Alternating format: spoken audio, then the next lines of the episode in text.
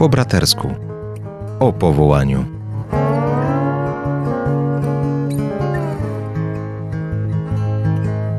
A na audycję zapraszają ojciec Tomasz Mordziałek oraz ojciec Andrzej Grat.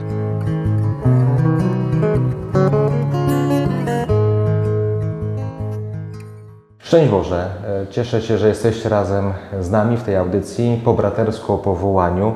Rozmawiamy o sprawach związanych z życiem, nie tylko zakonnym, ale w ogóle z podejmowaniem decyzji, z rozeznawaniem. E, Zanim z ojcem Tomaszem rozpoczniemy cykl naszych cotygodniowych, tematycznych spotkań, to wykorzystujemy ten czas jeszcze wrześniowy na to, aby wsłuchać się w świadectwa tych, którzy e, rozeznają albo już rozeznali swoje powołanie. I jak pamiętacie, tydzień temu spotkałem się z bratem e, diakonem Augustynem, który e, już mm, wchodzi w ten czas ostatniego roku w seminarium, e, szóstego roku, więc czas kończenia obrona pracy magisterskiej, jeszcze praktyki diakońskie i w przyszłym roku o tej, o tej porze już będziemy się cieszyć z tego, że jest kapłanem. Rozpocznie się w jego życiu nowy etap, e, czyli zakończy się czas formacji e, tej zakonnej, seminaryjnej, a rozpocznie się czas już posługi duszpasterskiej w, tej, w tym miejscu, do którego go pośle e, ojciec e, generał. I z, z diakonem Augustynem rozmawialiśmy tydzień temu mm, właśnie o tym rozeznawaniu, o domu, o tych wyborach trudnych i, i, i trudnych decyzjach. I do tej rozmowy pragnę też i dzisiaj e, powrócić, bo są jeszcze e, przynajmniej trzy pytania, które chciałbym Ci, e, chciałbym ci zadać, e, żebyś się podzielił w jakiś sposób sobą, tym swoim doświadczeniem. Pytałem Cię tydzień temu o to, czy mama jest szczęśliwa teraz, dzisiaj, bo wiemy, że dla niej to było trudne podejmowanie Twoich decyzji. A powiedz mi, czy gdy Ty patrzysz na te lata formacji poza swoją ojczyzną, poza swoim kontynentem, w Polsce, formacji seminaryjnej, która też była naznaczona nie tylko takim swo- swoim codziennym zmaganiem, ale także i zmaganiem językowym, czy Ty jesteś szczęśliwy? Bardzo, bardzo. Po ludzku mówiąc nawet bardzo, dlatego że dzisiaj mogę się cieszyć, że tak po ludzku, nie? że wiele rzeczy mogę w wielu, w wielu językach na przykład czytać albo rozumieć, nie? więc czasami trochę śmiesznie jest, kiedy właśnie Polak mnie spotka pierwszy raz i mówi po angielsku, nie? a ja odpowiadam po polsku, a on tak oczy robi szeroko, więc bardzo, bardzo się cieszę z tego, mm, dlatego że w ogóle w zeszłym tygodniu właśnie o tym mówiłem, że ja miałem studia, więc ja tam studiowałem antropologię nie? społeczną i kulturową, więc te elementy kulturowe trochę, no tam dam sobie radę rozumieć. I to bardzo ciekawe, dlatego że tak jak lubię powiedzieć, e, wyjazd za granicą albo poza własnym krajem e, zawsze rozszerza sposób patrzenia. Oczywiście nie wszystko, co na zewnątrz jest dobre, ale nie wszystko, co na zewnątrz jest złe. A więc to, że mogłem przebywać w Polsce, na pewno rozszerzało mój sposób patrzenia na rzeczywistość, czy to w Kamerunie, i nawet ubogaciło ten, ten, ten sposób patrzenia w kontekście w ogóle naszego powołania, czy to zakonnym, nie? Za, zakonnego, no to u Paulinów, no to też, dlatego że mogłem się spotkać z, moich, e, z moimi braćmi, którzy będą posługiwali gdzie indziej. Gdybym były tylko w Kamerunie, no to bym nie poznał na przykład ojca Andrzeja tutaj, nie? No na przykład. Na przykład, tak, taki przykład. I wtedy my się znamy. Więc wiem, że a, w Kamerunie jest tam Augustyn na przykład, albo w Polsce, albo w, na Chorwacji jest taki brat, a go znam. To nie jest tylko z opowiadań albo zdjęcia, tylko go znam, bo byliśmy razem, więc to pokazuje, że jesteśmy jedną rodziną, więc dla mnie to jest bardzo dobra rzecz i z tego bardzo się cieszę. Bardzo się cieszę, że mogliśmy tutaj właśnie z braćmi się, nawzajem się wyszlifować, żeby ja rozumiał, że zakon to nie tylko Kamerun, ale bracia tuż, y, też z innych krajów mogli rozumieć, że zakon to nie tylko mój kraj. Ale wiesz co, mnie to też uczy, nie? że e, tym bardziej, kiedy ja byłem w seminarium, to na moim roku e, był też brat e, z Ukrainy, był też brat ze Słowacji, był też e, Chorwat, e, więc to też poszerza w jakiś sposób horyzont i uświadamiam sobie, że Kościół to nie tylko mój mały światek, ale że Kościół powszechny to, to znacznie większe e, bogactwo. I to też ja tego doświadczam w życiu zakonnym, że my też na- nawzajem możemy się ubogacać, bo jesteśmy różni, pochodzimy z różnych regionów Polski, Europy, czy tak naprawdę teraz świata. Tak, tak. E, I wiesz, mi też się to bardzo podoba, bo w końcu historia naszego zakonu jest taka, że no, przez kasatę, przez czas zaborów, no prawie przestaliśmy istnieć. Więc dzisiejszy kształt zakonu, ilość domów i nas zakonników to jest to, co się udało odbudować od 1918 roku.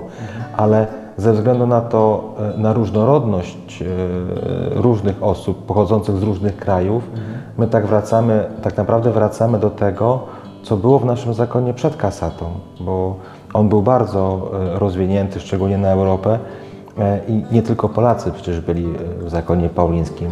Wiele, wiele narodowości było, więc to też jest bardzo piękne i też pokazuje chyba, że w jakiś sposób Pan Bóg też nam e, błogosławi. Powiedz mi, czemu zakon? Jak na to, bo pamiętam, że rozmawialiśmy o tym, że mama miała tak, taką wolę też w sercu, wolność w tym, żeby oddać jednego z synów Panu Bogu, ale ty nie- zanim podjąłeś decyzję, to nie wiedziałeś o tym. Tak. To skąd ci się taki pomysł zrodził w głowie, że akurat chcę być kapłanem, chcę być zakonnikiem? Sus- e, Słysząc ojca, e, ojców się modlić.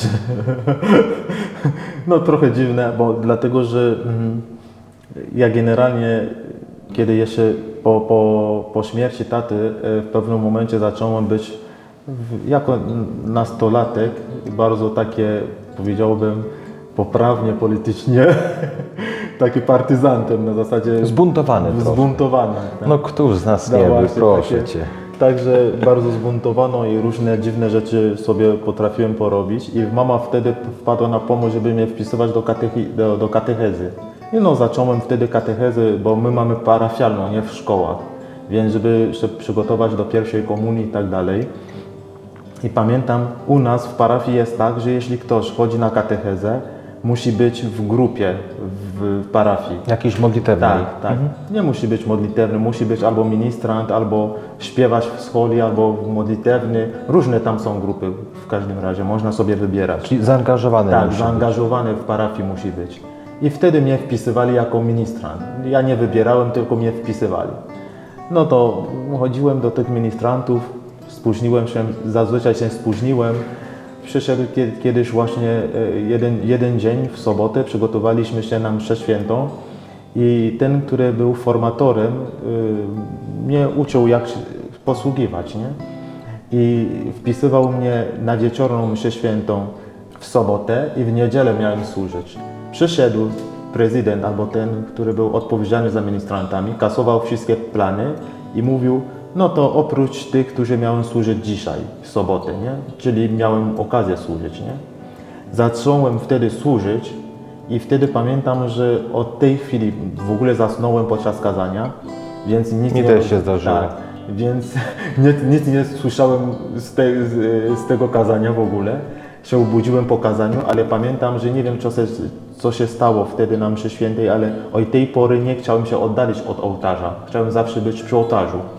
I właśnie wracając do pytania konkretnie, czemu zakon, bo ołtarz mógł być w diecezji na przykład, nie? Pamiętam, że właśnie e, później stałem się sam odpowiedzialny za ministrantami i pamiętam pew, pewnego ranka e, przyszedłem na mszy rano i ojcowie, tak jak w Polsce, w ogóle to jest nasza tradycja, tego, z tego co wiem, że nasze kaplice zakonne zawsze przylegają do kościoła, jeśli Tak. mamy parafię. Kaplica jest taki chór Tak. zakonny, tam gdzie Tak. się modlimy, jest zwornikiem między kościołem a, a klasztorem. Tak, a to w Belabo też jest to samo, że zako, kaplica zakonna jest, właśnie jest ściana, ale za ścianą to już kościół. Więc to wszystko, co się dzieje w kaplicy, słuchać w kościele. A ja byłem w kościele rano przed mszą świętą i słyszałem, jak ojcowie się modlą. A ja chciałem się modlić jak oni, nie? bo fajnie się modlili, rektotono i tak dalej, pięknie było. Ja mówię, ja, tak, jest możliwość tak się modlić? I od razu zacząłem właśnie się zainteresować właśnie zakonem, nie? Więc odpowiadając na to pytanie, właśnie powie, można powiedzieć, że przez to, że się modlili po prostu. Tak, tak niewiele czasami trzeba, prawda? Znaczy, wiesz, tak sobie myślę, bo e, historia każdego z nas jest bardzo różna. Tak, tak.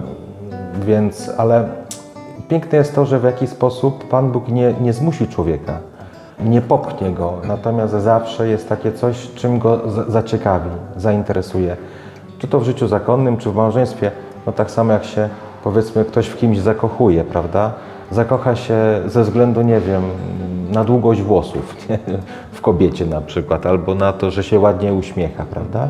I to jest jakby taki punkt zacz- za- zaczepienia, a potem to sprawia, że się kimś zaczynamy interesować lub czymś, a potem z czasem wchodzimy coraz dalej, poznajemy i przez poznanie człowiek nabiera tej chyba pewności, czy jest zdolny podjąć taką decyzję, że okej, to jest to, nie? Wchodzę w to całym swoim sercem. Czy to małżeństwo, czy, czy, to, kapu, czy to kapłaństwo. Co byś poradził albo doradził tym młodym, którzy w ogóle rozeznają, którzy są na takim etapie jak ty kiedyś, nie wiem, w trakcie, przed studiami, po studiach, ale którzy stawiają sobie pytanie, co dalej? Co byś im doradził?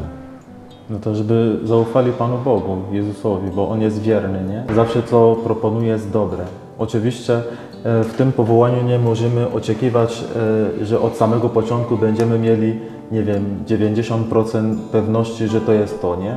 Czasami do tego powołania musimy jeszcze dorastać. Ja pamiętam, że e, przez długo czas, e, ze względu na, na, na moje życie przed zakonem, też bardzo się bałem, czy najtrudniejsze było to, żeby, żeby bo pytanie było, czy ja będę wierny, nie? Czy ja, czy ja przetrwam. Formacje to mniejszy problem w ogóle generalnie, ale pytanie to było, nie wystarczy tylko być kapłanem, ale być wyświęcony, powiedziałbym, ale trzeba jeszcze być kapłanem, nie? Bo to nie jest koniecznie to samo. Bo jestem wyświęcony, to prawda, ale czy ja żyję tym, tymi święceniami, nie? To już inna sprawa.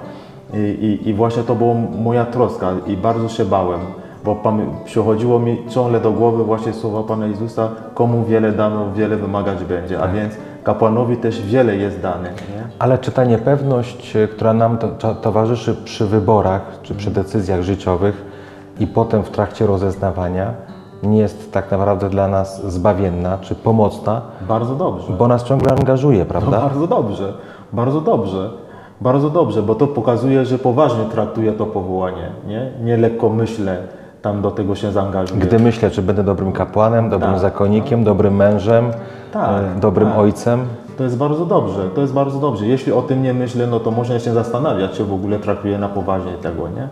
Więc, a, ale ważne jest to w tym wszystkim, żeby właśnie się umieć zaufać, nie?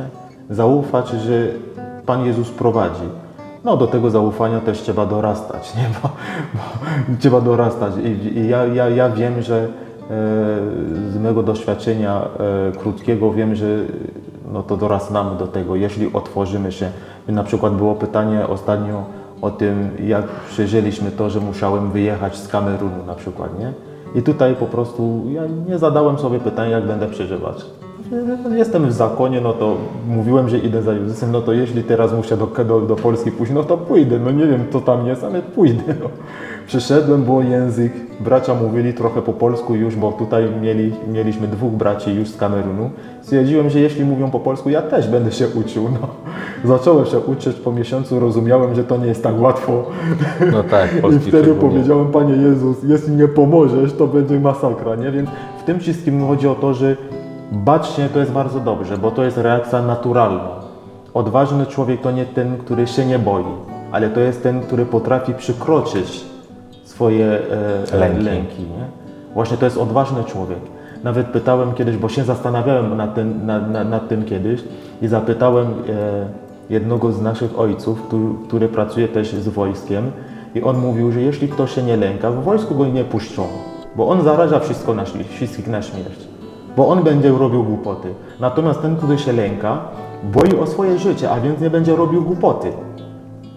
A bohater to jest ten, który potrafi lęk swój przezwyciężyć. Właśnie.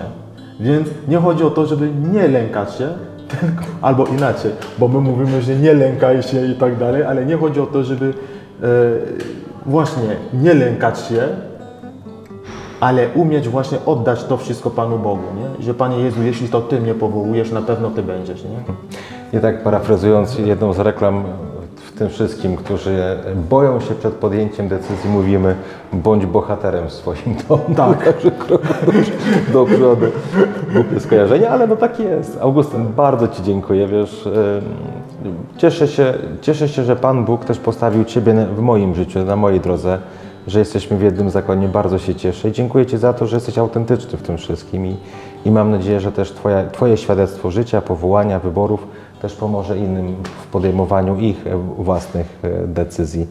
No i życzę Ci, aby ten ostatni rok e, szósty był dla Ciebie też takim czasem naprawdę już radosnego przygotowania, przygotowywania się do święceń kapłańskich. Bardzo dziękuję. No to proszę o modlitwę, nie? Za mnie, za moich braci też, nie? którzy się przygotują do ślubów wieczystych.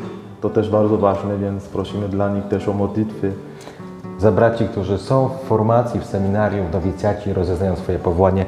I ta prośba jest nie tylko do mnie, ale także i do Was, do tych, którzy to oglądacie czy słuchacie.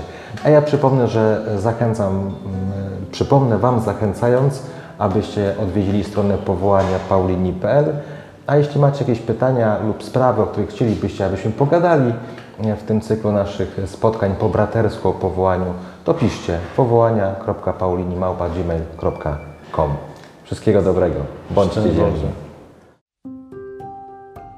Edyta Stein mówiła, że powołania nie znajduje się po prostu po zestawieniu i przeanalizowaniu różnych dróg.